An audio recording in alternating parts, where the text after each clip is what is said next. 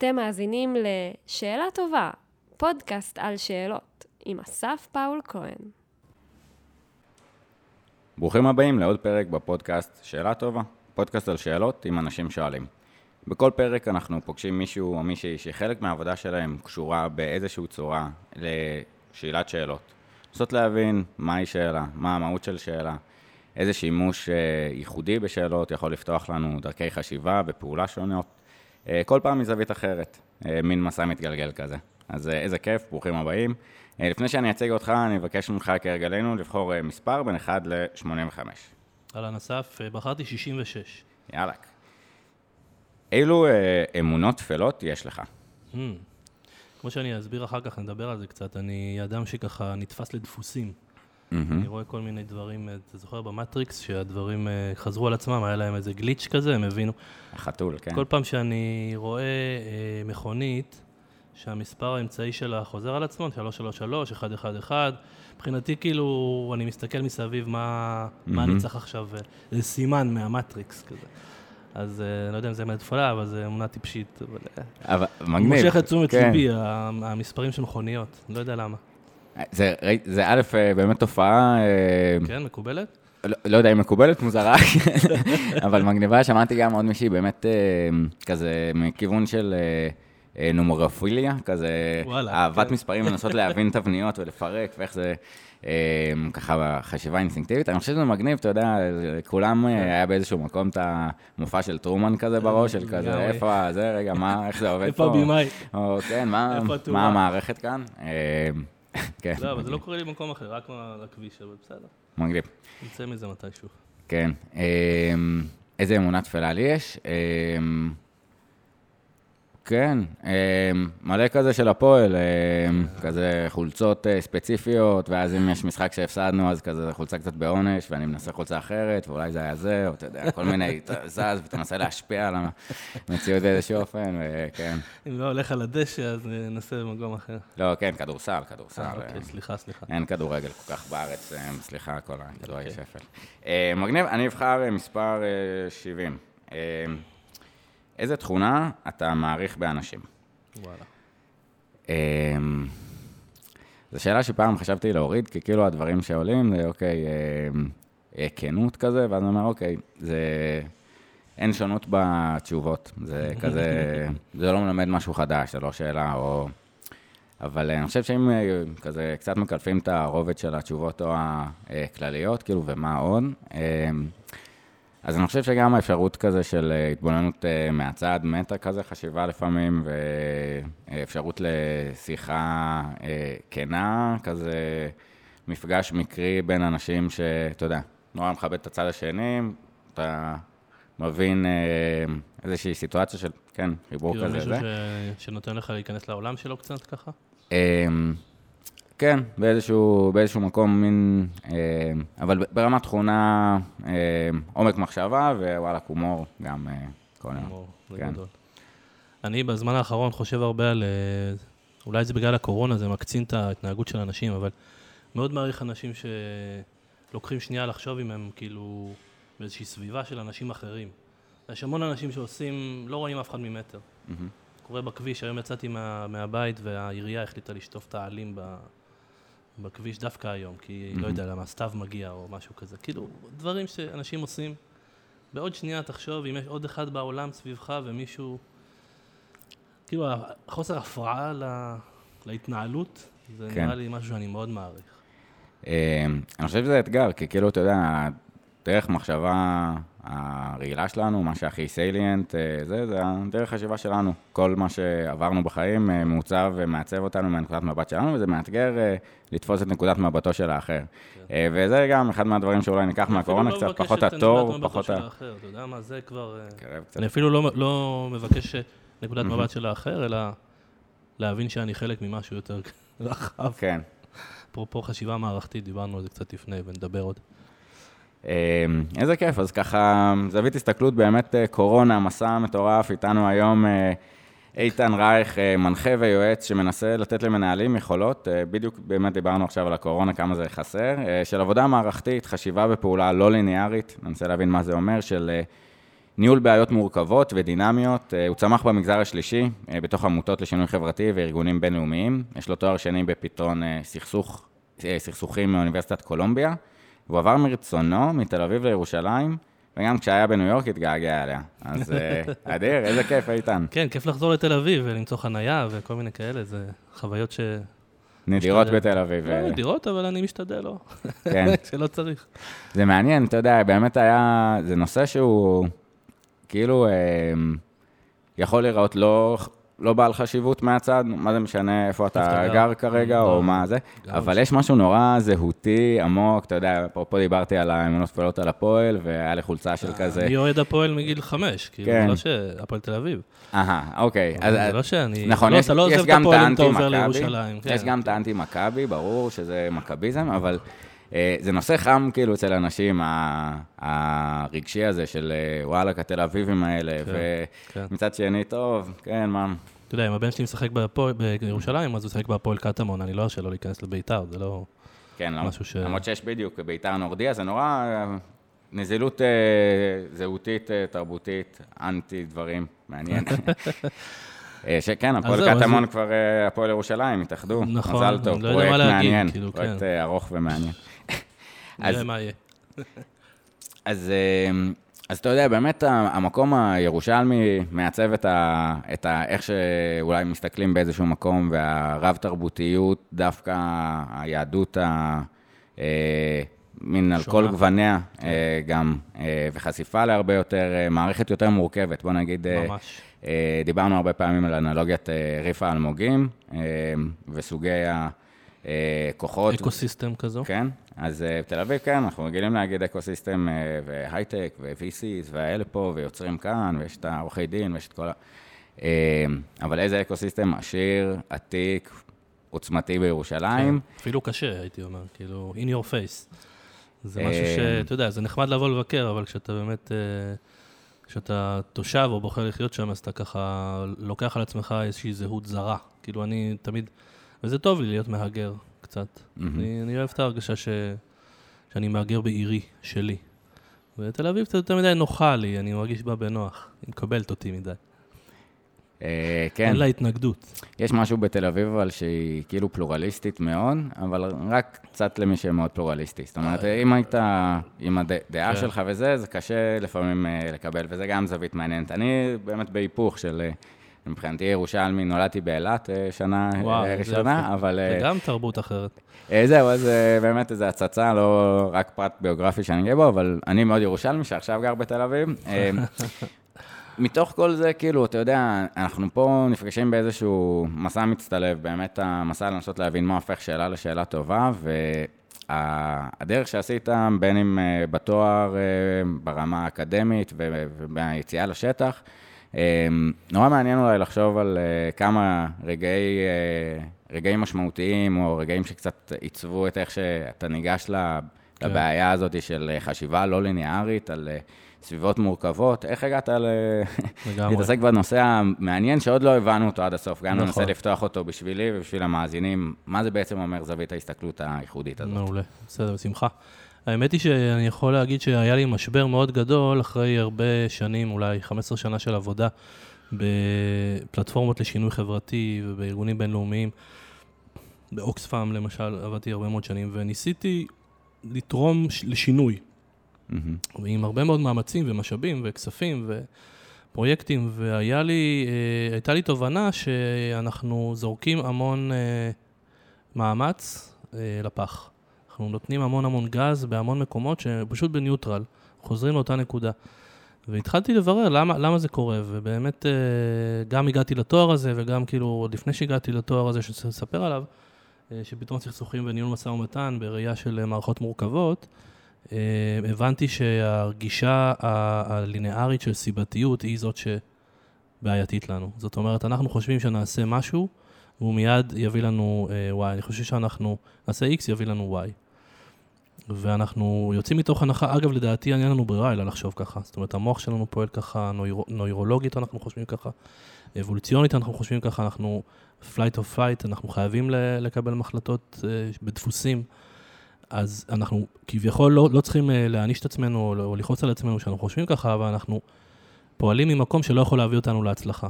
אפרופו קורונה, כן? אנחנו כל הזמן שמים על עצמנו מגבלות, אה, סגרים, תובנות, תראה איך מנוסחות כל מיני החלטות ברמה של תעשו ככה, יקרה ככה.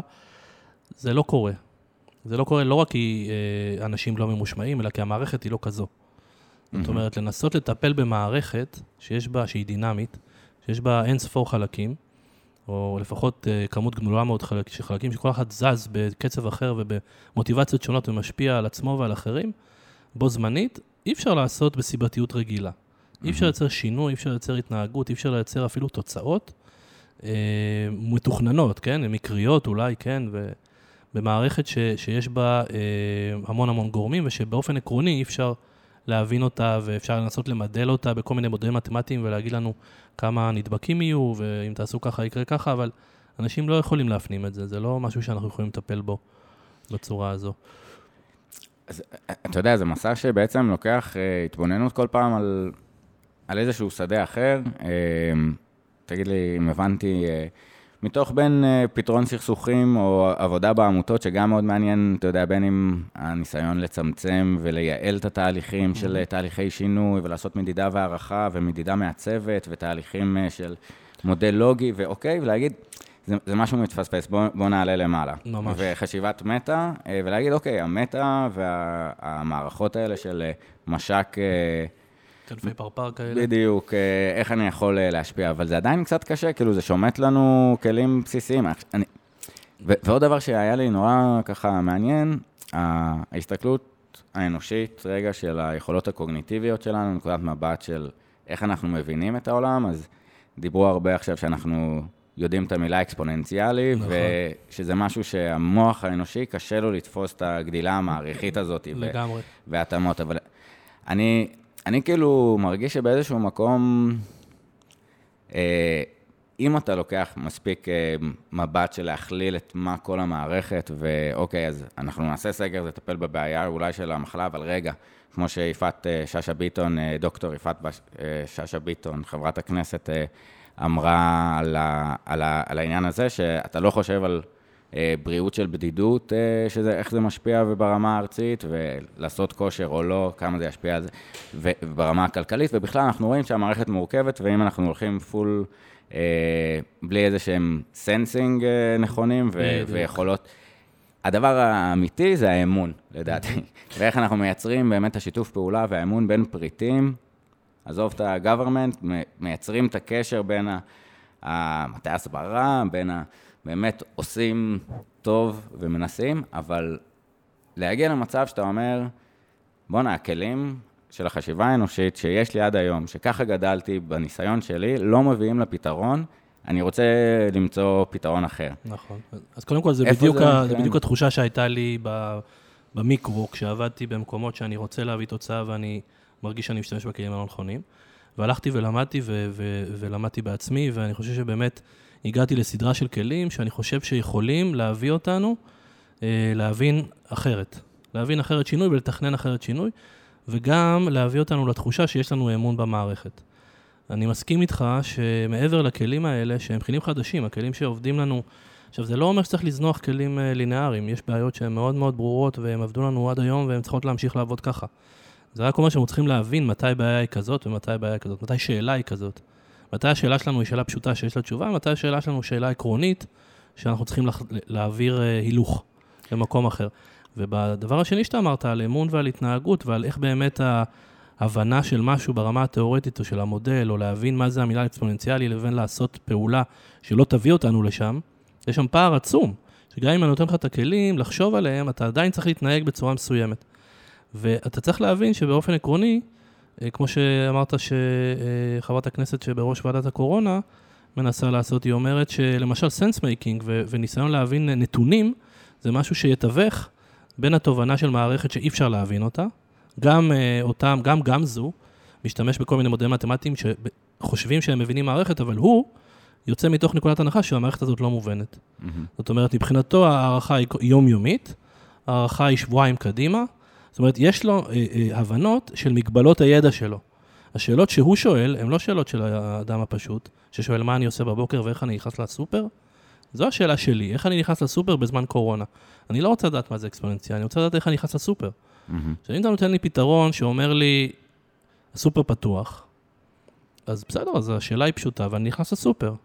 אבל אם אתה נותן לי כלים לחשוב על השאלה הזאת במסגרת של איך הסופר פתוח בלי שהוא ידביק חמישה אנשים אחרים, זו שאלה מסוג אחר. אני לא חושב שמציגים לאנשים את השאלה איך להשתמש בסופר, או איך ללכת לים, או איך אה, לעשות את החתונות, מבלי להדביק עוד עשרה אנשים. בלי להגיד להם, אתם לא בסדר, אל תתקהלו יותר מ-20 איש. זה, זה לא אותה שאלה. כן. מה לעשות ומה לא לעשות, או איך לעשות בלי לתרום לאקספוננציאלי. שזה, אני חושב שאנחנו לא שואלים את השאלות הנכונות. כי אנחנו פועלים עדיין בצורת חשיבה, שכמו שאתה אומר, אין לנו ברירה לחשוב ככה, ואנחנו חייבים לעבור סט. אז, אז אני חושב שאתה יודע, לראות באמת, אה, לקלוט שזה אה, שישה חודשים של ההזיה הזאת, של השינוי ההתנהגותי הגדול שאני הייתי בו אי פעם, לחשוב שאנשים באמת יישארו בבית, שכולם עם מסכות, שבאמת אתה נותן מרפק, אה, אתה יודע, שינוי בסיסי, ב... ולא היו מאשרים את זה, ב... כן, בהלסינקי, אה, כזה, כניסוי זה. אף אחד... אבל... זה לא אתי. כן. אבל באמת, איך אנחנו חושבים בתוך המערכת הזאת, בין אם אנחנו אומרים איך אנחנו מנגישים את הפארקים ודווקא את השטחים הפתוחים, להרחיק בין אה, קפסולות ולייצר אה, למידה בטבע, בין אם ביטוחית וזה זה, זה אפשרי, או אפילו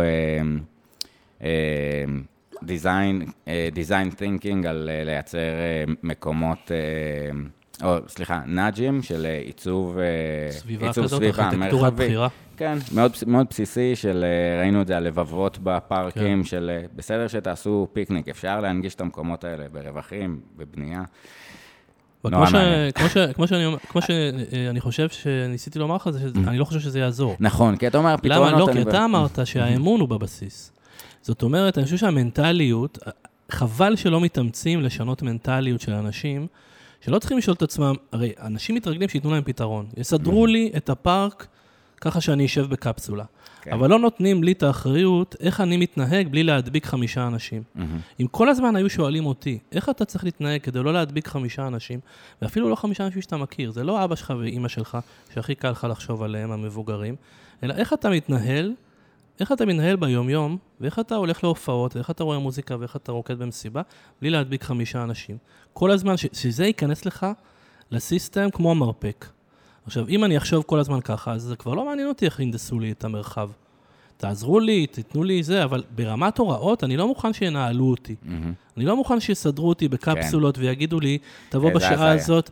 זה שיטור, זה לא חשיבה מערכתית. נכון.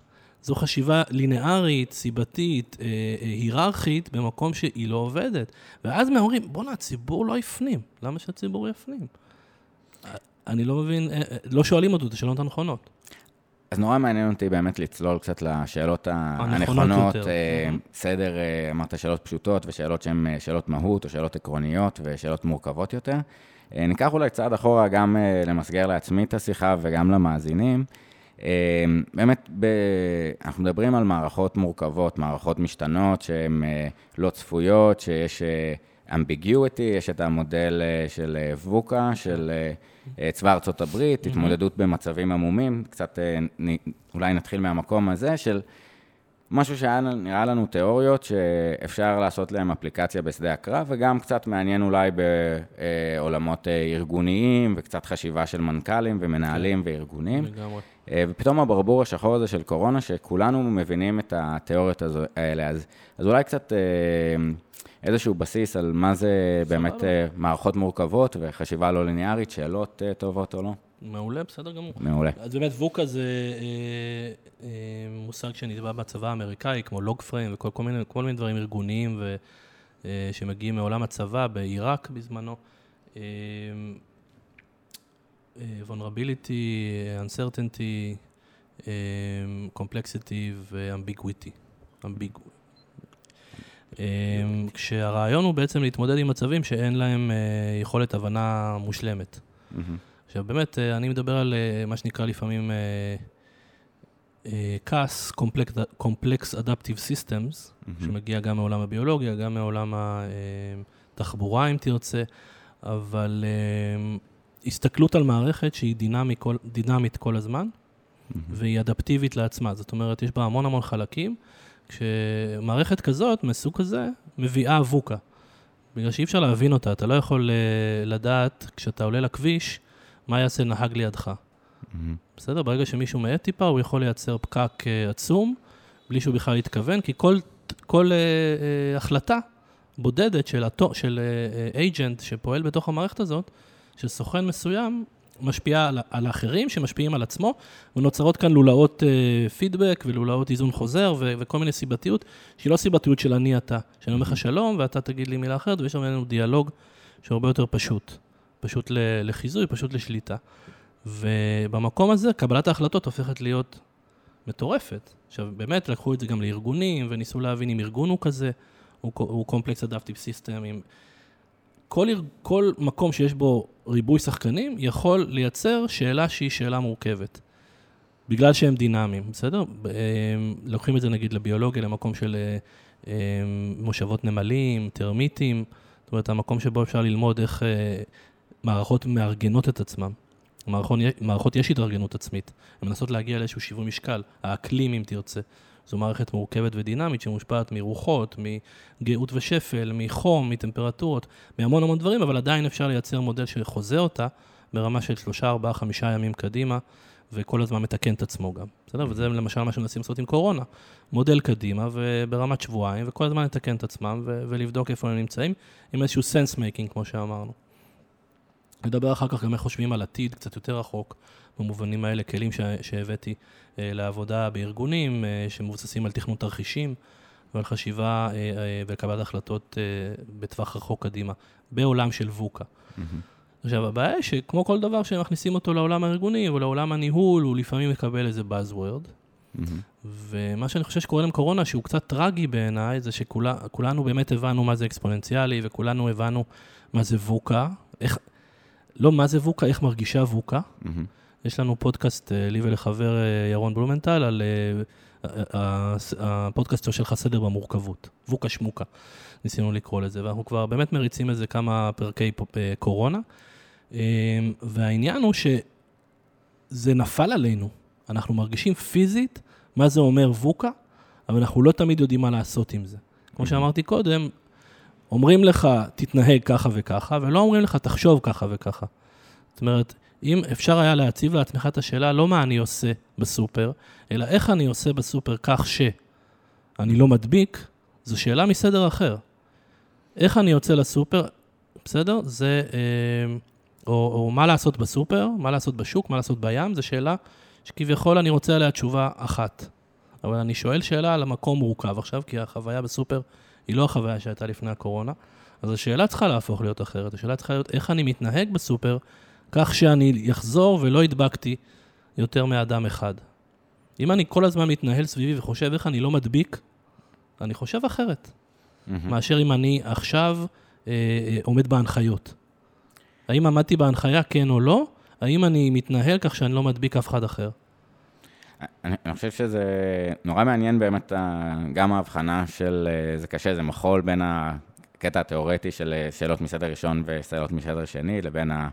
אה, ספציפית הדוגמה של הקורונה, אבל אני חושב שזה באמת לייצר מערכות תגובה אדפטיביות ברמה של הפריטים, לא החלטה... מגבוה. מגבוה, זאת אומרת, יש את הדוגמה של אה, באו סובייטים לניו יורק, לאיזשהו סיור אה, בעיר, ב... לא זוכר איזה קונטקסט, והם שאלו, ראו את כל המאפיות פתוחות, ויש כזה מלא לחם ואין תורים וזה, והם אמרו, מי, מי הקומיסר שאחראי על הלחם פה כן, ב... כל הכבוד. אה, אנחנו רוצים לדבר איתו, ללמוד ממנו, אין לנו כזה. זאת אומרת, ה... אה, הורדת הסמכות או חלוקת הסמכות, אה, אולי קצת מנהיגות יותר שיתופית שקצת מנסים אה, לראות מגמזו של נכון. אחריות משותפת על כל סוכן וסוכן. יש דוגמה נורא מעניינת, גם אמרת על העניין של הכביש. הרגילו אותנו קצת לראות בנקודות פריטים, mm-hmm, mm-hmm. חשיבה של אינפוגרפיקה כזה על אוכלוסייה, איזשהו... לחבר נקודות, כן. רשת אולי, או...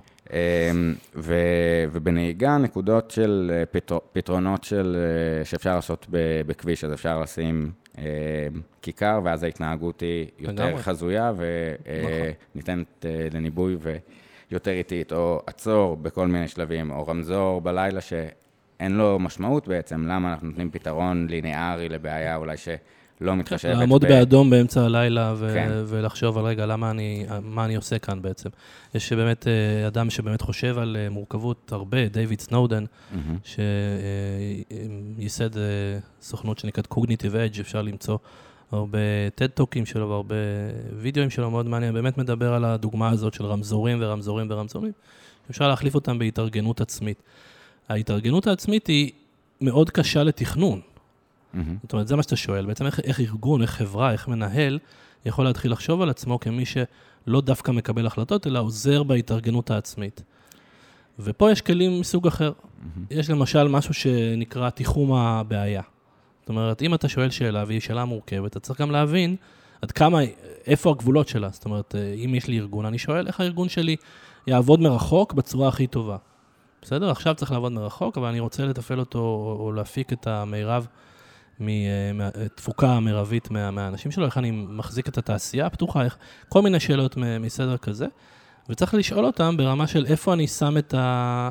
איפה אני מייצר גבולות שבתוכם אני מאפשר חופש התארגנות. בסדר? זאת אומרת, המאפיות האלה בניו יורק התארגנו בצורה כזאת, כי מישהו בכל זאת ייצר חוקים, חוקי עזר עירוניים מסדר מסוים, שאפשרו להם להתארגן. זאת אומרת, צריך ללמוד את גבולות המערכת, בסדר? זאת אומרת, גבולות המערכת שהסובייטים הציבו הם גבולות ברמת הרחוב, והם גבולות חונקים, והם לא אפשרו שום התארגנות, שום חופש פעולה, כי חופש הפעולה נלקח מהמנטליות של האנשים. ואז, ברגע שאתה נתת את חופש הפעולה שלך ונתת אותו בידי ההיררכיה, וההיררכיה מאוד מאוד מצמצמת, אז מתישהו הגעת לאי ספיקה. מהמם.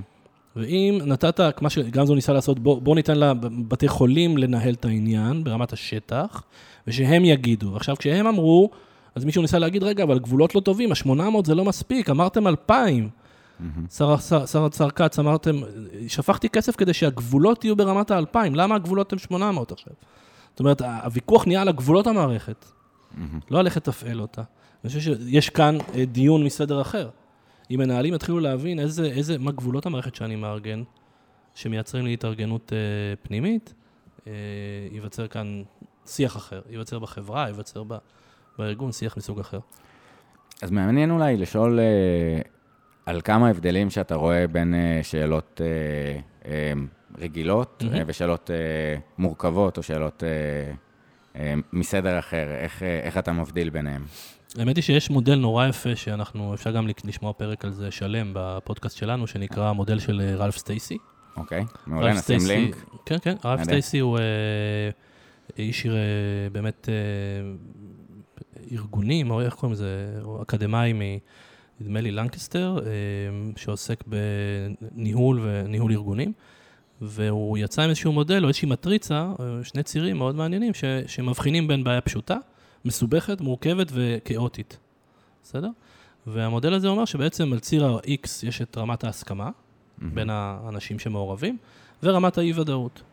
ככל שהדברים, רמת האי-ודאות של התוצאה, ככל שאנחנו, ברור לנו מה תהיה התוצאה, וככל שאנחנו מסכימים על התוצאה, אז אנחנו בעולם פשוט. אני ואתה יודעים שאם ניגמר לנו דלק במכל, מה נעשה? אה, כן, נלך לתחנת דלק נמלא. ברגע שנכניס דלק. לא משנה כן. איך, אה, נכניס דלק, נפתור את העניין, נכון? אה. נלך לתחנת הדלק, הפעולה היא ברורה והתוצאה מקובלת על שנינו ואנחנו מסכימים. לא נתחיל להתווכח, ואם זה רכב סולר, אז אנחנו לא נתחיל להתווכח אם כדאי סולר או כדאי דלק. אף אחד כאן לא מתווכח על התוצאה ועל דרך הפעולה ועל, ועל, ה- ועל ההסכמה של מה צריך לעשות. ברגע שאנחנו מתרחקים מעולם ההסכמה, או מתרחקים מעולם הוודאות, אנחנו מגיעים למקום יותר מסובך. למשל, אם תהיה לנו תקלה במנוע, מה נגיד? אני ואתה נוסעים ברכב והאוטו נתקע. כן, נראה לי זה זה. נראה לי קרבואטור או אלטרנטור, כן, אבל אה, נלך לך, למוסך הזה, כן. יגיד לנו. הרדיאטור, והשני יגיד לנו, פה כבר. מתחילה, יש לנו גם חוסר הסכמה, וגם רמת הוודאות של מה יפתור את הבעיה, היא, היא, יורדת לנו, אנחנו מגיעים למקום יותר מסובך. למה הוא רק מסובך ולא מורכב? כי בעולם הזה יש פתרון. מהמם. תלך למוסך שאתה סומך עליו, לפרויקטור, המוסך שאתה נותן בו אמון, שאתה יודע שהוא לא משחק איתך והוא ייתן לך את התשובה. אתה תלך מקום של, למפעל, של, ליצרן הרכב, הוא ייתן לך את הפתרון הנכון. אתה מניח שיש פתרון נכון, אתה נותן בו אמון, אתה צריך רק למצוא איפה, ה... איפה נמצא הידע. Mm-hmm. זו שאלה מסדר אחר, אבל היא שאלה מסובכת, פתירה. שאלה מורכבת היא כבר, כשניקח את האוטו הזה לסיבוב ונלמד נהיגה, אני תמיד נותן את הדוגמה בהרצאות שאני נותן על אפי, המורה לנהיגה הישראלי, שאפי, המורה לנהיגה הישראלי, מכיר אותו מה, מהפרסומות? אה. פרסומות של... אה, עכשיו אני לא זוכר שזה ביטוח רכב או משהו כזה, אבל הוא אומר, אני אפי, המורה לנהיגה ישראלית, שזה נהיגה אחרת מאשר נהיגה זה, ויש לו איזושהי פרסומת נגיד, ששם הוא נוסע, והוא אומר, סיסי זה כתום מהבהב. Mm, זאת אומרת, כן. יש שם כל מיני המלצות לנהיגה. כן, כאילו הוא מלמד, הוא מלמד נהיגה ככה מורכבת. זאת אומרת, אנחנו עולים לרכב, ואז אנחנו לא יודעים הנהג שלידינו למד אצל אפי, המורה לנהיגה ישראלית, או שהוא בא מהודו עם נהיגה הודית, או הוא בא ממצרים עם נהיגה מצרית, או מאיטליה עם נהיגה איטלקית, כאלה. Mm-hmm. זאת אומרת, פתאום נהיה עניין תרבותי, נהיה עניין של הרבה שחקנים, כמו שדיברנו קודם, ואנחנו לא יודעים אם יש לנו עסק, וצריכים להגביל קצת את הגבולות של זה. האם אנחנו... Waze עזר לנו בזה. Waze לקח את הבעיה הזאת, ואמר, אם כולם ישפכו את הידע לתוך האפליקציה, אני אוכל להפוך לכם את זה טיפה לפחות מורכב, והידע שם יהפוך את זה למסובך, כי הוא ייתן לכם שלוש אופציות. סע מכאן, סע מכאן, סע מכאן, הוא ייתן לך את... אה, פעם לא ידעת באיזה שעה תגיע. Mm-hmm. יצאת כן. מהבית, אתה זוכר מצב כזה? יצאת מהבית בלי לדעת מתי תגיע? כן, מטורף, אה? כאילו, היום... איך אנחנו גם מתרגלים, גם למסכות, אבל גם לווייז יש את הדוגמה שהוא...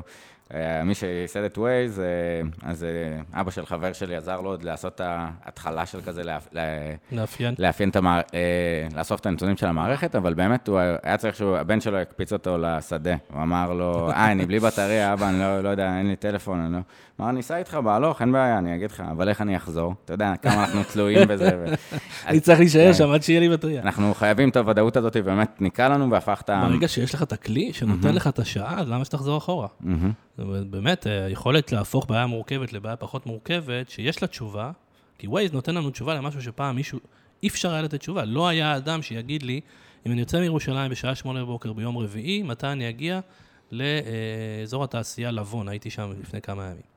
בסדר? אני ידעתי, ידעתי בדיוק mm-hmm. מתי אני צריך לצאת, והוא גם נותן לי תזכורת מתי לצאת. הוא גם משנה לי תוך כדי נהיגה אם אני צריך לעשות איזשהו... אה, זה, זה, זה עזר כשאני אומר, אני מחפש כלים לעזור למנהלים איך לנווט במציאות מורכבת, זה בדיוק אה, אמצעים כמו, כמו Waze, לקחת שאלה שלא הייתה לה תשובה קודם, ולהפוך אותה לשאלה שאפשר למצוא לה את התשובה. עכשיו, אני רק אגיד משהו על כאוטי. Mm-hmm. כאוטי זה מקום שאנחנו מאוד, אה, אפרופו כנפי הפרפר ואפרופו קורונה, כאוטי זה מקום שכמובן הולך לכיוון של באמת אי-הוודאות היא מאוד מאוד גבוהה, וגם ההסכמה שלנו היא לחלוטין, אה, אני מדמה את זה ברמת הדוגמאות בכביש, אם אמרנו מילוי דלק, בעיה במנוע, נהיגה, תרבות נהיגה ואחר כך אה, תאונה. Mm-hmm. אם אני נכנס בך, נוצר מצב כאוטי. כי שנינו מאבדים רגע אוריינטציה, כולם זוכרים איך זה מרגיש. יש איזו נקודה כאוטית שם, ואנחנו מיד מטפלים בה. יוצאים מהרכב, מחליפים פרטים. יש לנו פרוטוקול, mm-hmm. איך להפוך גם משהו כאוטי למשהו פשוט. זאת אומרת, ברגע שנתנו, הסכמנו, הסכמנו ביחד, שאם נחליף פרטים, יצאנו מהמצב הזה, אז ההסכמה שלנו הורידה אותנו לעולם שהוא הרבה הרבה פחות כאוטי. ופה צריך להבין שכאוס ו- ואנרכיה הם מקומות נקודתיים. Mm-hmm. אין, בגלל ההתארגנות העצמית של המאפיות בניו יורק, ובגלל החוסר בלחם בסוף, בברית המועצות, זה לא נשאר ככה. ברית המועצות תתפרק mm-hmm. כשלא יהיה לחם במאפיות לאורך זמן. לא יכול להיווצר מצב כאוטי שהוא אה, מתמשך. אם יש לנו נפילה בבורסה ב-2008, אז תהיה הרחבה תקציבית. מישהו יבוא מיד ויעשה. אם בסוריה mm-hmm. מתפרק המשטר, רוסיה תיכנס. זאת אומרת, כאוס, או תהיה לנו תאונה, אנחנו מיד נחליף פרטים. מעניין, זאת אומרת, זה, זה, זה הסתכלות של קריסה נקודתית של המערכת, איזשהו שינוי כללים, אה, קריסה של המערכת, של מערכת החוקים, מערכת ההתנהלות, האנרגיות ש, שהיה באקוסיסטם הזה. הדינמיקה שפעלה. אבל uh, אין ואקום, זאת אומרת, uh, נכנס ו- וממלא כוחות אחרים, לפעמים אנחנו יכולים לנבא מה יהיה, אבל... Uh, אנחנו באמת... יכולים לתרום לזה, כי אם, אם נגיע להסכמה, כמו החלפת פרטים בתאונה, mm-hmm. אם נגיע לפרוטוקול מספיק טוב, שעוזר לנו להגיע להסכמה, נוכל מהר להשתלט על הכאוס, במקומות שהכאוס מפתיע אותנו, כמו הקורונה, ייקח לנו הרבה זמן, ושני סבבי סקרים, ועוד התפרצויות, עד שנבין מה הפרוטוקולים הנכונים, ושוב, אנחנו בפרוטוקולים לא נכונים, כי אנחנו נותנים הנחיות במקום כן, בדיוק. שאלות. זה כאילו, כן, אה, ברגע שאמרנו פרוטוקולים באיזשהו מקום גם אה, קצת חטינו, כי אנחנו מנסים איזה ניסיון למשטר את הכאוס, שאני חושב שזה, מה שיפה בשאלת שאלות זה באמת אה, נושא נורא מוזר, אתה יודע, באיזשהו שלב אה, ההבנה שהומצא אה, האש כזה, ואז אה, באיזשהו שלב היה כזה קצת אה, שפה, ואיך זה התפתח בדיוק, אוקיי, וכתב, אנחנו רואים את ההשפעה המאוד גדולה על זה, אבל באיזשהו שלב התפתחה היכולת הקוגניטיבית אה, לשאול שאלה, אה, ומה זה אומר בעצם שאלה? זה, זה הרבה פעמים סביב אה, איך אנחנו ממסגרים את הידע שלנו סביב משהו לא ידוע. אה, וכאילו יש פה איזשהו, הפרוטוקולים האלה, או השאלות מסדר שני, מנסות לייצר סדר או איזה שהם חוקים שמאפשרים לנו להתמודד במצבי כאוס, להקריס אותם לעצמם, כדי שזה לא אה, יצא לאיזושהי תגובת שרשרת של המערכת כ- של... כדי שלא יתערב מישהו שאנחנו לא רוצים גם. זאת אומרת, אם אנחנו נכנסנו למצב כאוטי ואין לנו פרוטוקול יציאה ממנו, אז מישהו כבר ייכנס. Mm-hmm.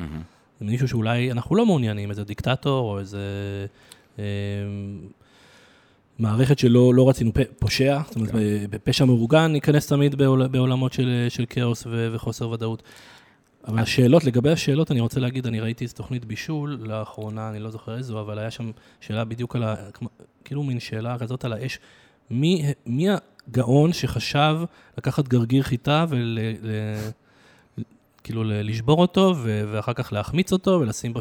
כאילו, איך הגיעו ללחם, לעזאזל? כן. וזה אחד הדברים הטעימים שאנחנו לא יכולים בלעדיו, שהוא באמת... אה, באמת, אני חושב ש, שיש כאן איזו אה, אה, יכולת, רפלקסיה, אני, אני אגיד מה, משהו אני חושב, mm-hmm. הביא את, אה, ברא את השאלה. מה שברא את השאלה זה היכולת או העודף הקוגניטיבי שלנו להסתכל על עצמנו כפועל, כשחקן, כחלק מאותה מערכת, ולש... ו... ואז להבין, גם להרגיש חוסר נוחות. אולי עשיתי משהו לא נכון, אולי עשיתי משהו שפעל בצורה... זאת אומרת, לשאול על עצמנו ולשאול על אחרים, ולהבין איזושהי ראייה של אינטראקציות ושל אה, יחסי גומלין, ו... ו... ומשם מגיעה השאלה, משם מגיע גם הלא ידוע. Mm-hmm. עכשיו, אני אגיד את זה שאני חושב שזה גם אה, מקביל לקוגניציה שלנו, זאת אומרת, יש לנו יכולת חשיבה מודעת, אבל יש לנו הרבה יכולת חשיבה לא מודעת. Mm-hmm. ושם אה, אה, קורים הרבה מאוד מה, מהדברים וההחלטות שלנו, וההתנהגות שלנו נקבעת הרבה מאוד על פי דפוסים שהם מגיעים מהלא, מהלא ידוע שלנו. אגב, עשיתי פעם איזשהו תרגיל ששמעתי, אני לא זוכר באיזה פודקאסט, אה, שאני לא זוכר עכשיו את שמו, אבל אה, ללכת לישון עם שאלה. Mm-hmm. זאת אומרת, לפני שאתה הולך לישון, תשאל את עצמך שאלה ותן לתת מודע לעבוד עליה. עכשיו, זה בכלל לא חייבת להיות שאלה שתענה, שתיתן לך מענה, אבל להבין שיש לך מערכת לא, לא מודעת ולא יודעת, שאין לך גישה אליה, שבשלב מסוים, שמן הסתם זה בשינה או בחלום, מתפקדת, וגם היא עונה על שאלות. מגניב. בדרך אחרת לחלוטין, אבל תדבר איתה.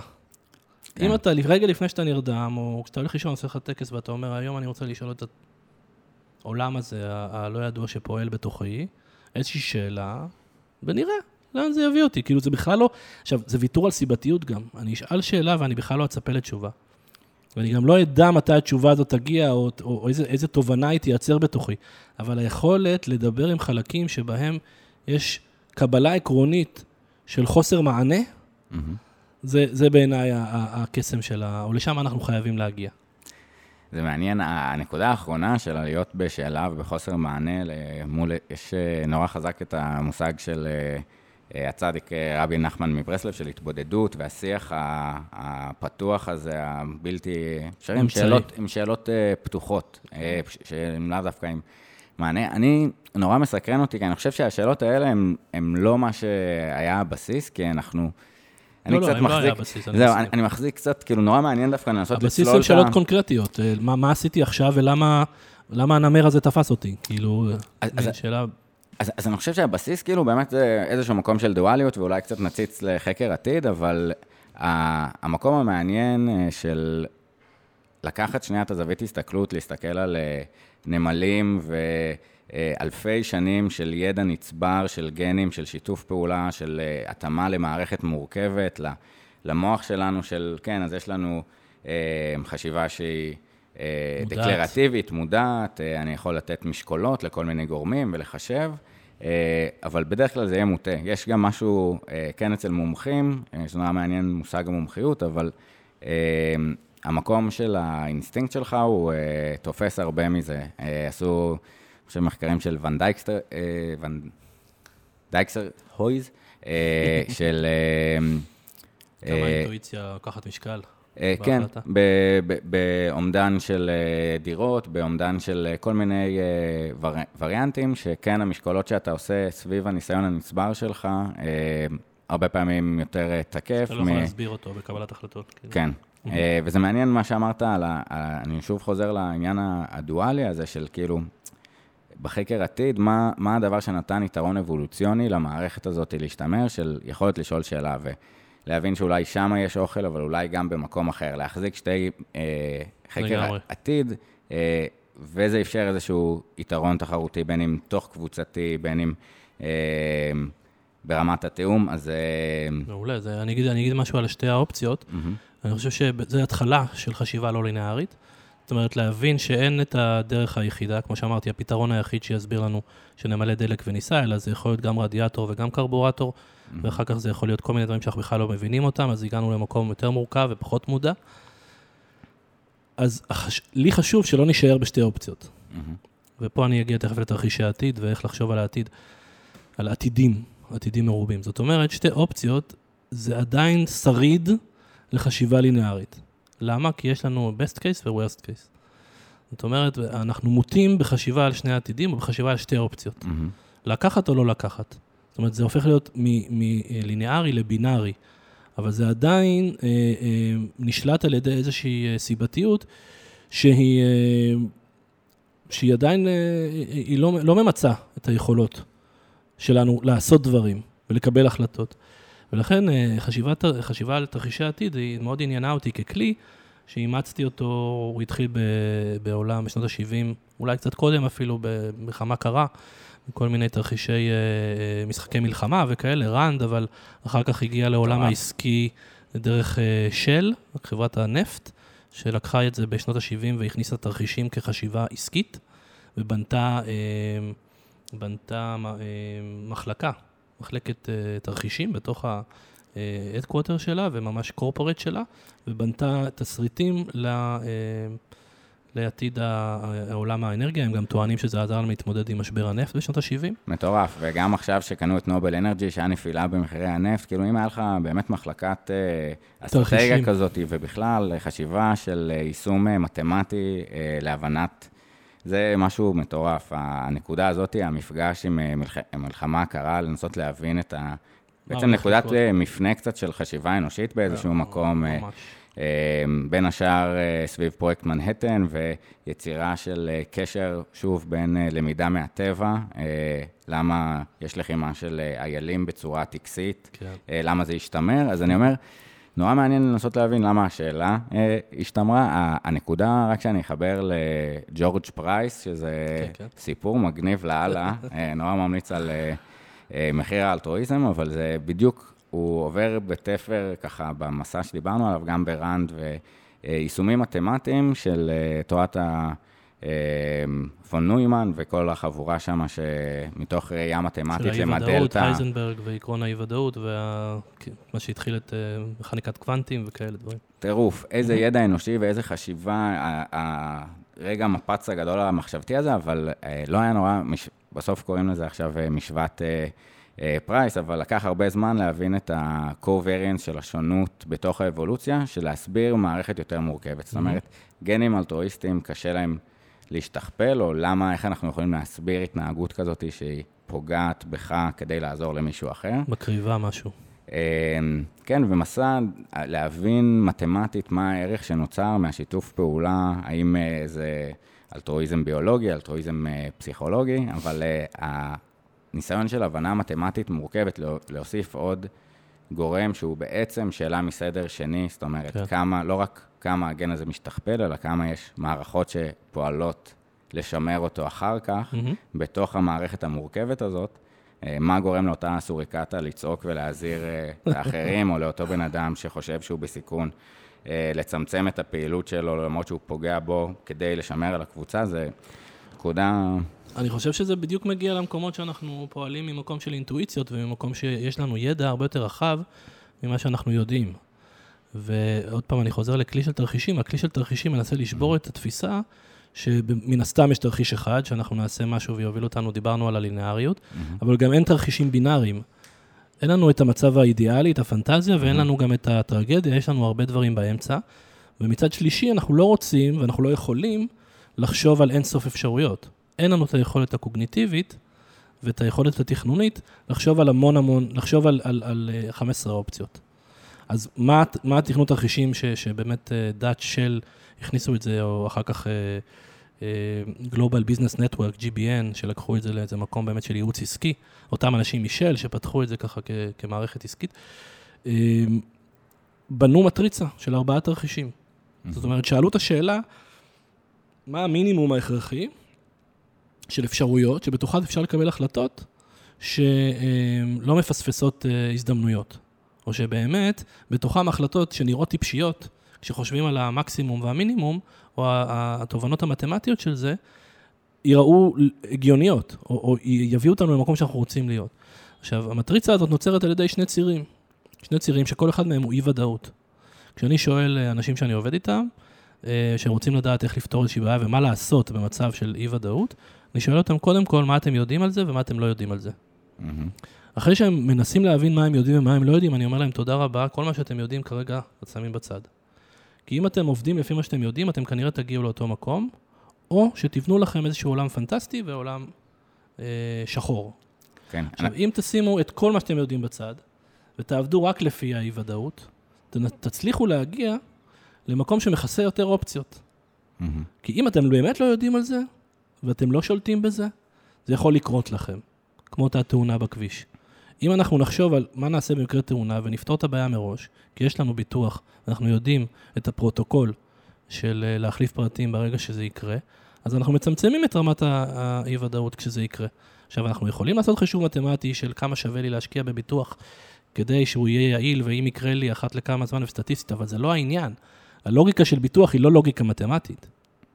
הכדאיות של הביטוח יכולה להפוך להיות מתמטית ולהתחשב, אבל עצם זה שאני יודע שאני צריך ביטוח, mm-hmm. זה להתמודד עם אי-ודאות. יש לי אי-ודאות אם, אם מישהו ייתקע בי או אני אתקע במישהו, אבל אני רוצה להיות מבוטח, או מישהו גם מכריח אותי, המדינה מכריחה אותי להיות מבוטח. עכשיו, זה לוגיקה של אה, ניהול סיכונים ותכנון אה, אסטרטגי, שעובד רק על מה שלא ידוע. אוקיי? זו השאלה שאני חושב הכי חשובה, מה אני לא יודע ואיך אני יכול לפעול לפיו. כן, יש uh, the no known, אה, זה, בדיוק, נכון, מה אנחנו... אמספלד כזה. כן, מה אנחנו לא יודעים שאנחנו לא יודעים, וזה שוב חוזר סביב הכוח של שאלות במקומות שאנחנו לא יודעים. אני חושב ש... אה, זה שתי שאלות נורא נורא עוצמתיות להתחיל איתן, מה אנחנו יודעים על הנושא ומה אנחנו לא יודעים, גם קצרות, גם, אתה יודע, בסוף מגדיר לנו את כל אה, מעגל ון באיזשהו נכון, אופן, נכון. של אה, מרחב הפעולה. נכון. ולנתק את מה שאנחנו יודעים, יש את ה... כן, אתה יודע, אם יש איזשהו, כמו גן מוצלח שהוא משתכפל או משתמע, אז גם באיזשהו מקום ידע אנושי, מימים כאלה שמשתמרים, אז... אנחנו נאחזים במה שידוע לנו, בוודאי. אמ, ודווקא אני אומר, במקום הזה איזשהו היפוך של אה, סוקרטס, של אם אני יודע משהו, זה שאני לא יודע כלום, אה, והבנה של אה, איזה חכם הלומד מכל אדם. אבל לא לעצור שם, לא לעצור שם, זאת אומרת, סוקרטס גם כשהבין שהוא לא יודע, אז הוא אמר, אבל יש לי מה לעשות, אני אשאל שאלות. כן. זאת אומרת, אם אני, אפשר להיות גם פטליסטים ולהגיד, אני לא יודע, ולהישאר שם, אבל אני לא יודע ואני אעבוד עם מה שאני לא יודע. נכון? וחלק מהעוצמה שלי זה המקום של ה-understanding, זאת אומרת, לעמוד מתחת בנקודת הלמידה. יש משהו ש... Uh, growth mindset וקרול דואק, כן. uh, שינוי של uh, האם הכל קבוע בעצם, אולי mm-hmm. ליניארי, דטרמיניסטי, או מערכת משתנה, mm-hmm. uh, תלויה... אמונה בה. בשינוי, כאילו כן. עצם האמונה בשינוי מאפשרת לי להתפתח ולצמוח. אה, כן, אני חושב שזה גם מאוד עומד על הגבולות באיזשהו מקום, עד כמה זה אה, קשיח ועד כמה אני יכול לשנות את זה, איך אני מול אה, אתגרים, האם זה שקיבלתי ציון במבחן במתמטיקה או בפסיכומטרי, זה קובע דטרמיניסטית את הידע שלי, או זה המדד שלי, או אם אני יכול לשפר ולשנות את זה, אם זה מושפע עליי. אגב, זה מאוד קשור לאלטרואיזם, מה שאתה שואל הרבה פעמים בפודקאסט שלך, אז באמת...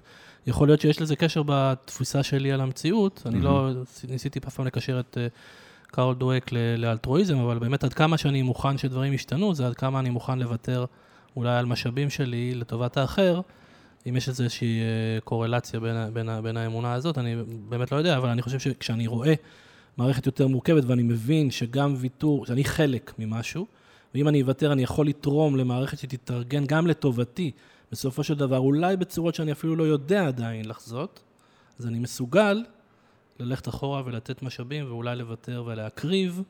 כן. זאת אומרת, אם אני חייל ואני רוצה להקריב את חיי בקרב, אני בהחלט, בהכרח מבין שאני תורם למערכת הרבה יותר גדולה, ששומרת בסופו של דבר גם עליי ועל צאצאיי. כן. על אחותי הקטנה שאין לי, ככה. ב- ה- ה- ה- אני חושב שהמקום הזה אה, של אה, לוותר על משאבים או לשים את המשאבים שלי בסיכון, אה, זה באמת הבסיס של אמון, גם ברמה של שיח ו-vulnerability. אני שם משהו או שאלה שהיא יכולה להיות מטופשת, אני שם את ה-self-esteem שלי, איך שתופסים אותי. On the line, כאילו, ואם יש סביבה... skin in the game, מה שקוראים. כן, ואם יש סביבה... אה, אה, לא, מה מה זה skin in the game? אה, אז Skin in the Game שדיברנו באמת על ניקולס נסים טלב, שכתב את ברבור שחור, הוא כתב ספר על Skin in the Game, על לשים את המניות שלך בתוך המשחק. כן, שזה מעניין, המקום של put your uh, stakes, כאילו יש uh, איזושהי עלות שאתה משלם, או uh, כלפי ההתנהגות שלך, כלפי מה שיש לך להגיד. שיש לך מה להפסיד. כן, אה, מגניב. יש אה, את העניין של אה, אה, פוקו בפרהסיה, כאילו המושג של אה, לדבר בפרהסיה היה מתוך להגן על איזשהו טיעון, אבל שאתה... עם איזושהי. עלות, יש כן. לך, אתה יכול, ואז באמת המדד של האמת, אם יהרגו אותך, אם זה נמדד נכון. אחרת, אז יש פה עלות אולטימטיבית ומגניב, אחלה. Skin in the Game בעצם אומר אה, שאני לא יכול, אני לא יכול אה, להעריך עמדה של מי שאין לו מה להפסיד. זאת אומרת, אפרופו מומחיות. אה, הוא אומר שלמשל, למה לסמוך על רופא שמן ומלוכלך, יותר מאשר רופא נקי ו...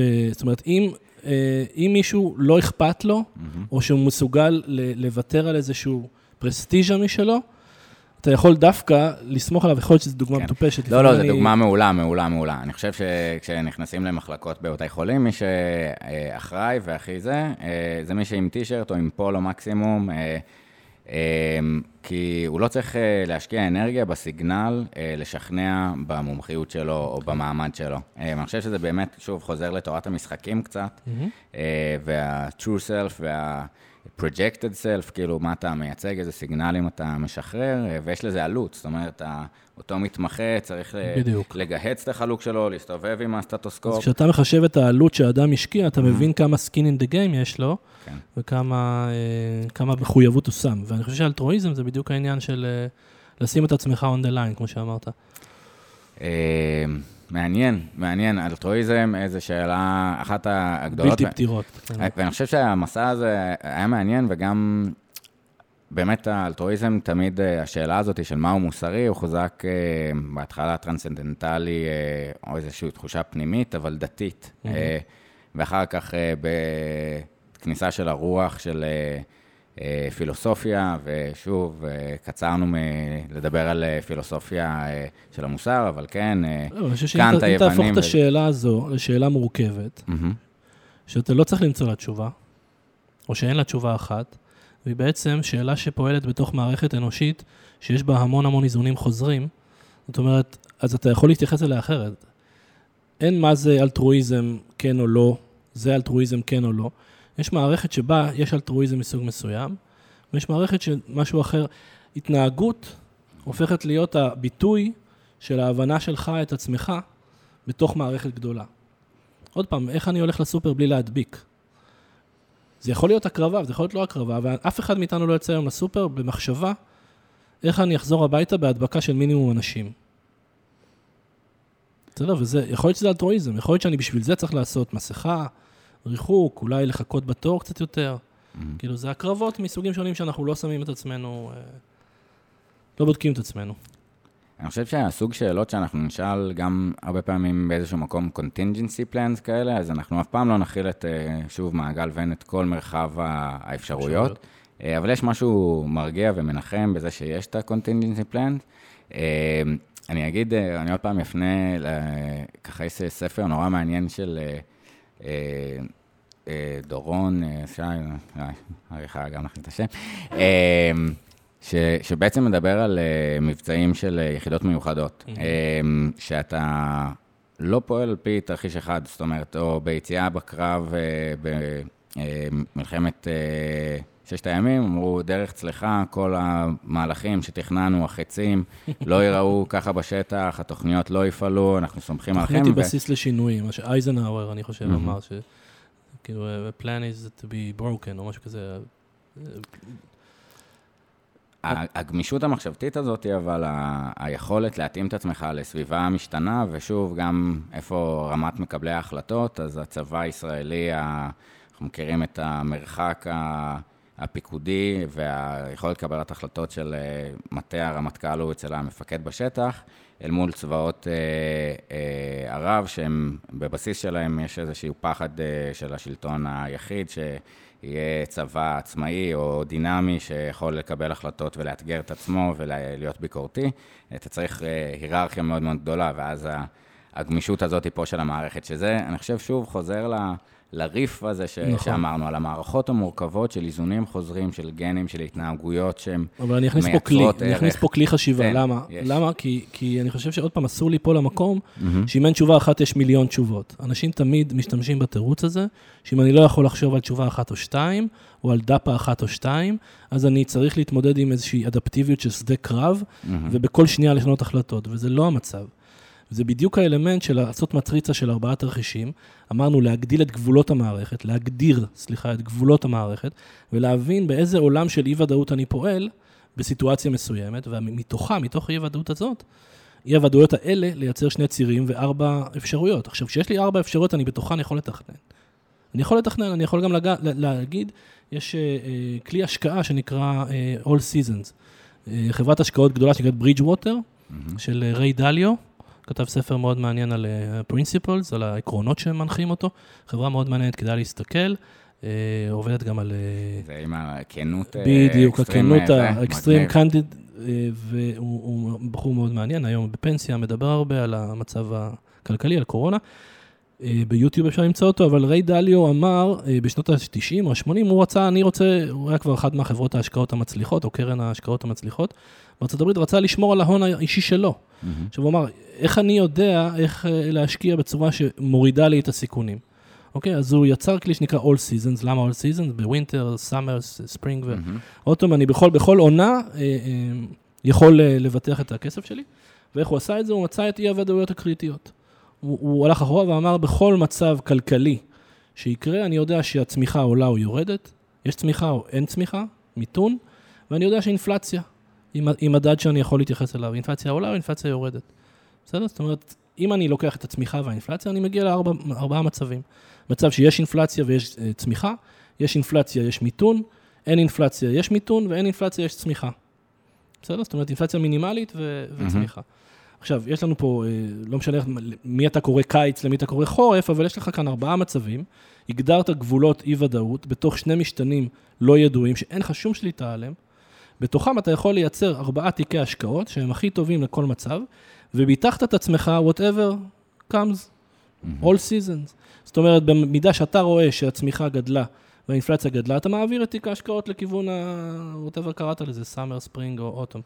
זאת אומרת, זו, זו המשמעות של חשיבה על עתידים. המשמעות היא לעבוד עם מה שאתה לא יודע, היא לייצר את גבולות המערכת ברמת ארבעה מצבים, ולתכנן את הפעולות שלך ברמת ארבעת המצבים האלה, כך שאתה מכסה את עצמך, ומייצר לכל הארגון שאתה פועל בתוכו, לכל המערכת שאתה פועל בתוכה, את האפשרויות להיות אדפטיביים. זאת אומרת, אתה שולח את החיילים לשטח, בלי להגיד להם תהיו אדפטיביים no matter what, אלא תהיו אדפטיביים ברמת אי-הוודאות הזאת ואי-הוודאות הזאת. תשימו לב לרמת האינפלציה, תשימו לב לרמת הצמיחה ותזוזו בין התוכניות שלנו המוסכמות מראש, בהתאם לציפיות. וזו פעולה שיכולה להיעשות על ידי כל ארגון וכל גוף. יכולה לעשות ברמה אישית, אני, זה גם כלי שאפשר לאמץ אותו ברמת האי-ודאות החברתית והיומיומית. לגמרי, אני חושב שזה המפגש המרתק הזה של אה, תובנות עסקיות, תובנות משדה הקרב, תובנות בקורונה, שכמו שאמרת, לא שאנחנו מבינים את הבוקה, אבל כולנו חווים את, ה, אה, גם את ה-cognitive drain והלחץ הנפשי מהתמודדות אה, מתמדת בחוסר ודאות, וגם mortal salience, מה יהיה על העולם, אז אני חושב שהמסגרת הזאת, וזה אולי גם קצת מה שהיה מצופה מהמנהיגות באיזשהו אופן, זה להגיד, חבר'ה, יהיה בסדר, העם היהודי עבר אה, דברים גדולים מזה, והאנושות תצא.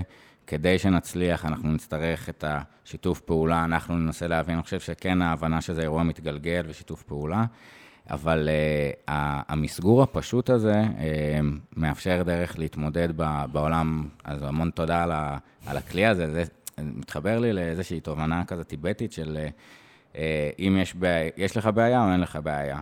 אין לך בעיה, יופי. יש בעיה, אוקיי, אתה יכול לעשות משהו איתה.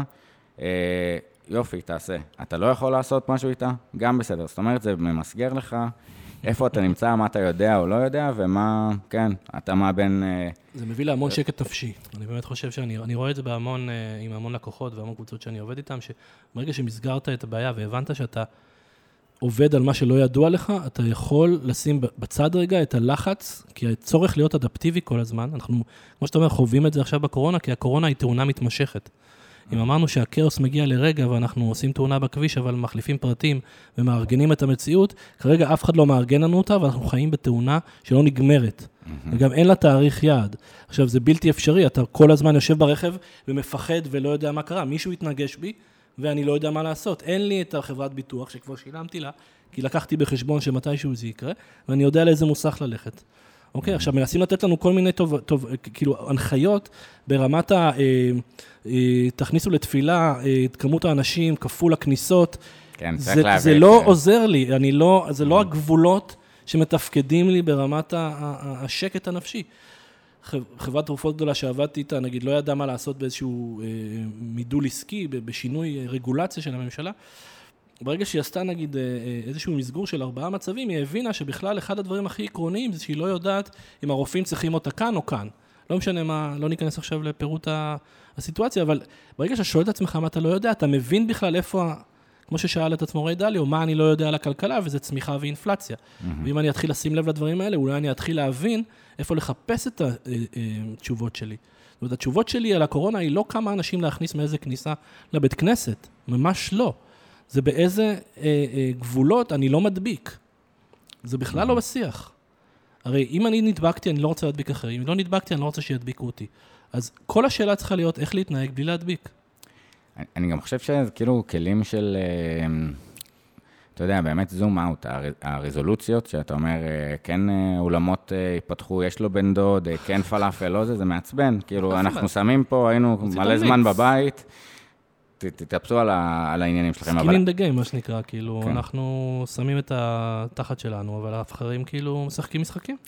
כן, אז אני חושב שאתה יודע, הסוג שאלות אה, זה שאלות יותר מרחביות, והפתרון הוא, הוא יותר אה, כולל. אני חושב שזה מין הסתכלות, אה, וזו שאלה איך מייצרים שיח בין כל כך הרבה בעלי עניין, אבל למפות את בעלי העניין, קצת כן לנסות להבין את מי צריך לשאול ומה השאלות שאנחנו צריכים לשאול, בתוך המקום של בסוף יש, מתוך כל האינטרסים המתנגשים, יש פה אינטרס מובהק, כלל אבל זה מה שניסיתי לומר, אני לא חושב שזה דורש שיח כלל חברתי.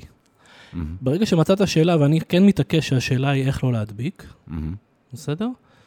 אם יש שאלה אחת שכולם צריכים לשאול את עצמה, אה, מנהל תחנת דלק, מנהל אה, גן ילדים, איך לא להדביק אחרים, איך להתנהג כך שאני לא מדביק אחרים, אם אני יוצא לסופר או הולך להתפלל, או הולך להפגנה, איך להתנהג, אם זאת תהיה השאלה שתקרקר לנו במוח, ויכול להיות שצריך לעשות פה נאג'ים, יכול להיות שאתה צריך לייצר התנהגות שמי שמדביק נקנס בכסף. למשל, אם חקירה אפידמיולוגית מצאה שאני הדבקתי שניים, אני נקנס על 200 אה, שקלים על נדבק. זאת אומרת, אני סתם צוחק, אבל יכול להיות כל האנרגיה צריכה להתפנות ללחשוב איך לא להדביק. כי הרי, ואז הם אומרים, נחכה לקטיעת שרשרות ההדבקה ביחידה שתוקם בצבא, בפיקוד העורף, בעוד חודשיים. זאת אומרת, זה, זה בכלל לא... ו, ובינתיים, תאסרו את עצמכם בבתים. ההתנהגות שלא להדביק היא התנהגות אישית. היא לא התנהגות קולקטיבית, וזה בכלל לא מעניין אותי מבעלי העניין, סליחה. אני לא רוצה לדבר עם אנשי התפילות, ואני לא רוצה לדבר עם בעלי האירועים, ואני לא רוצה לדבר עם, עם, אם אה, עדן אה, בן זקן מופיעה בהופעה שכנראה נדבקו בה אנשים, שהיא תיכנס בכסף.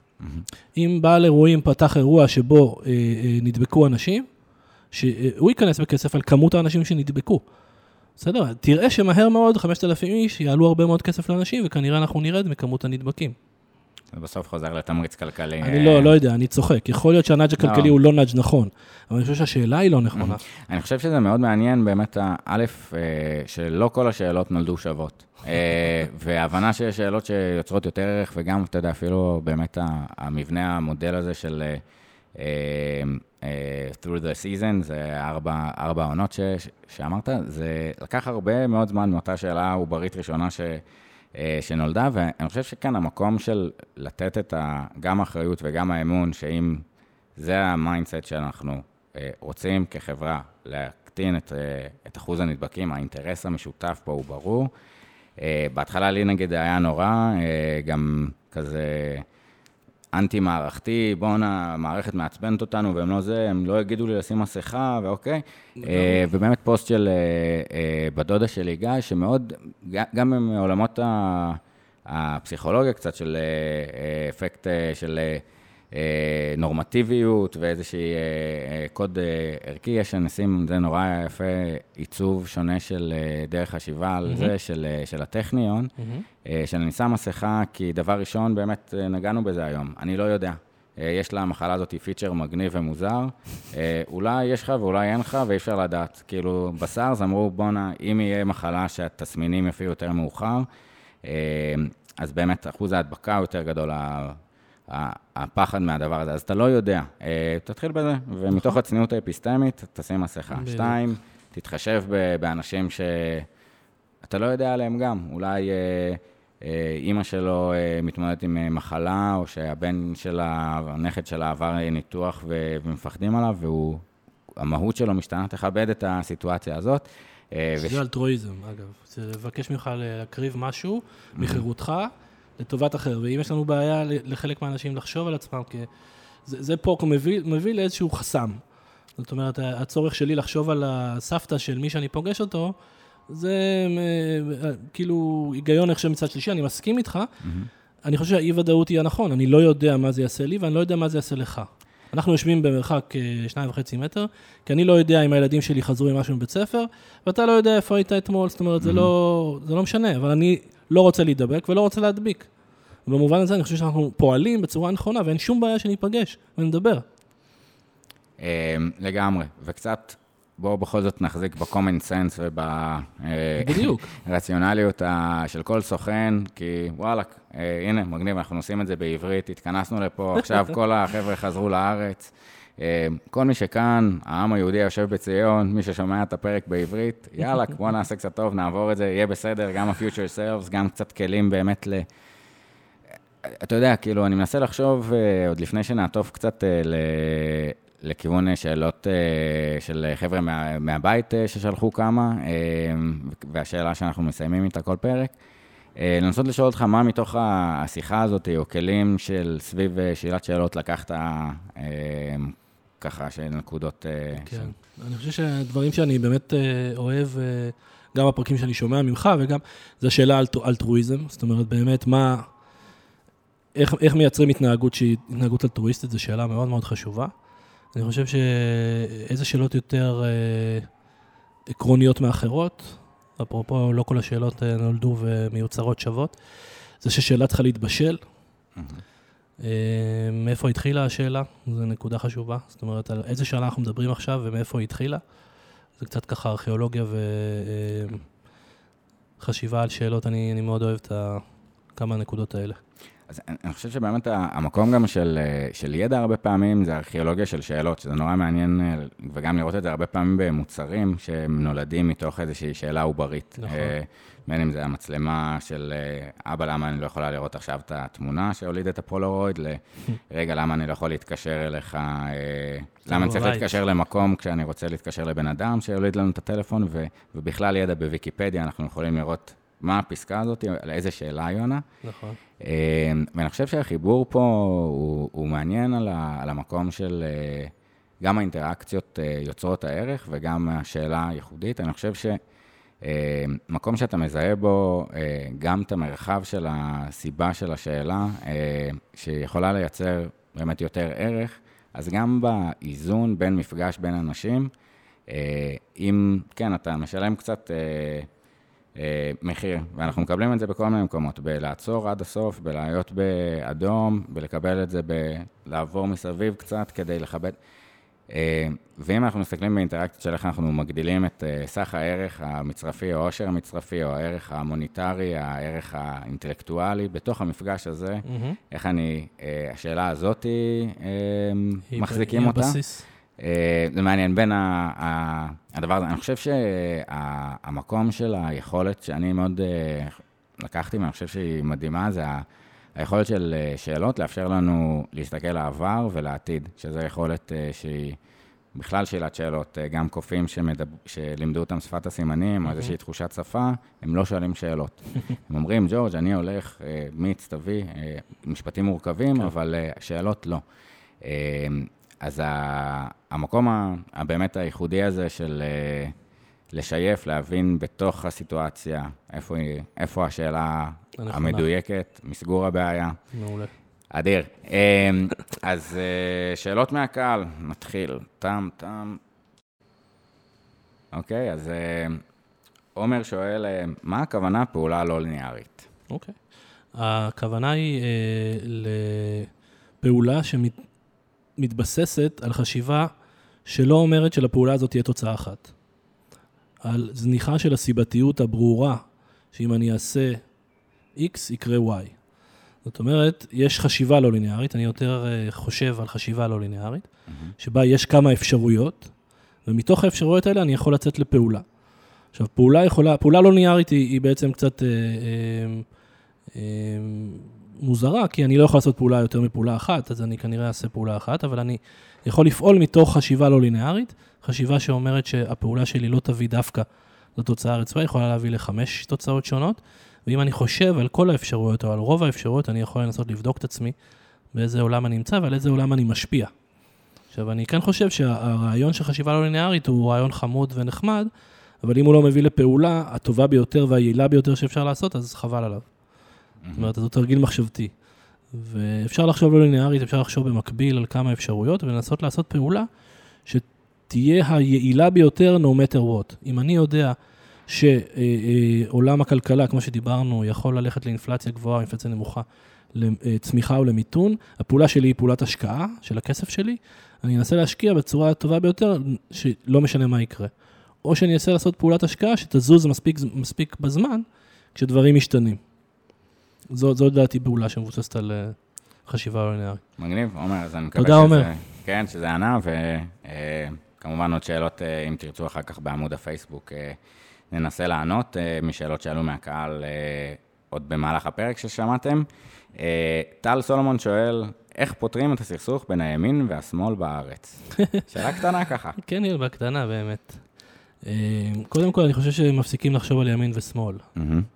אני חושב שעוד פעם, הליניאריות הזאת, או הבינאריות הזאת, אה, מכניסה אותנו למשהו שנקרא הטרקטור, לאיזשהו סוג של דפוס, מחשבה, שממנו אנחנו לא יכולים לצאת.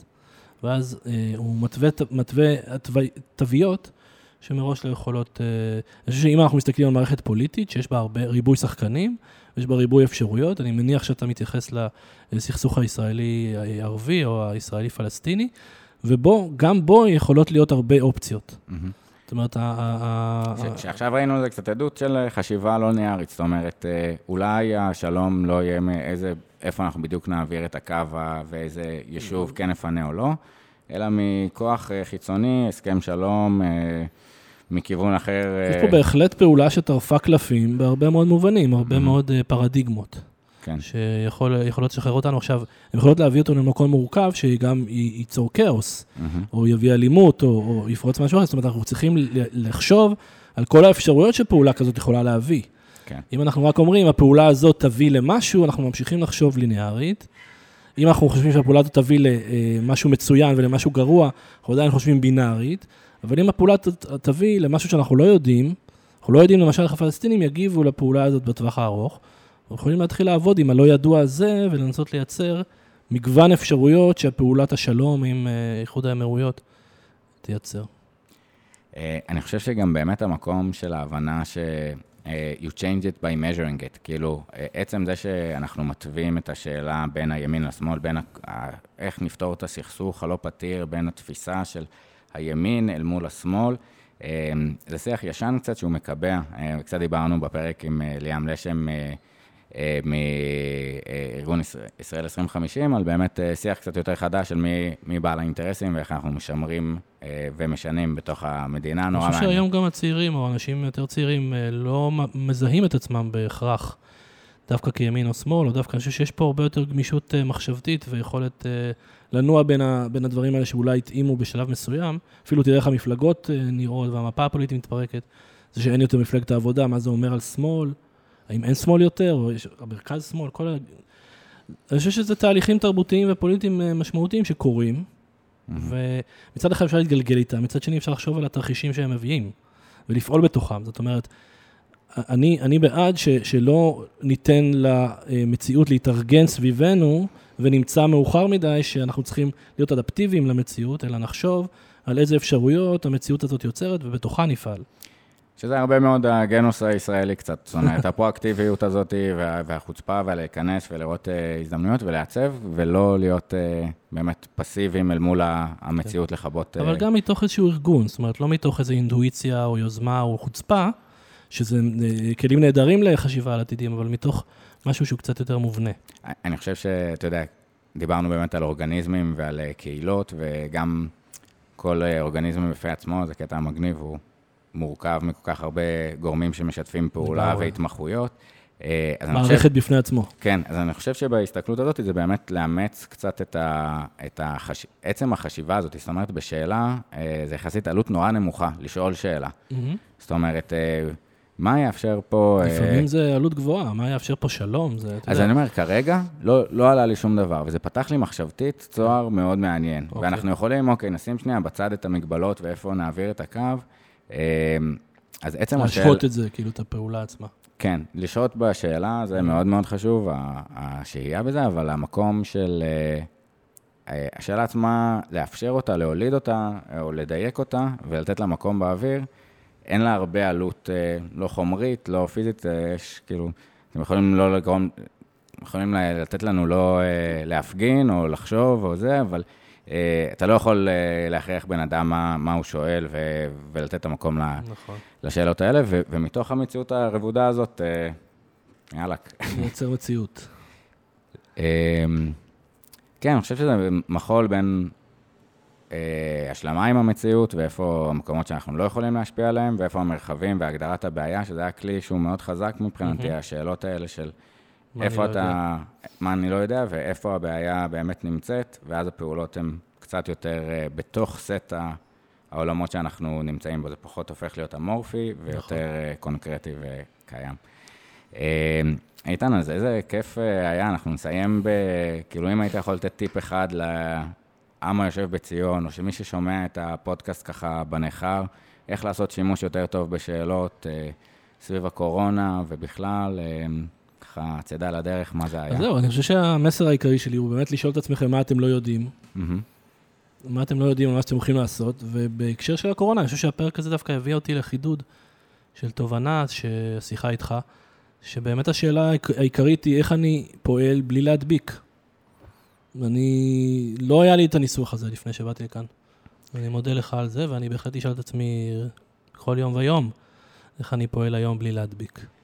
אדיר, אני חושב שזה, אתה יודע, מתוך באמת השיח הזה קיבלתי המון, ואין אה, סכין מתחדדת אלא בידי חברתה, אז מגניב שהצלחנו לשייף את השאלה הזאת, איך אנחנו יכולים קצת אה, לעשות אה, שינוי התנהגותי וחשיבתי for the common good. יאללה, איזה כיף. אז תודה רבה, חבר'ה. רק בריאות, שנה טובה. שנה טובה, נתראה בפרק הבא. תהנו ב... איזה הזיה, מעניין מה יהיה כשתשמעו את הפרק. בהצלחה, יהיה טוב, יהיה טוב. יהיה טוב.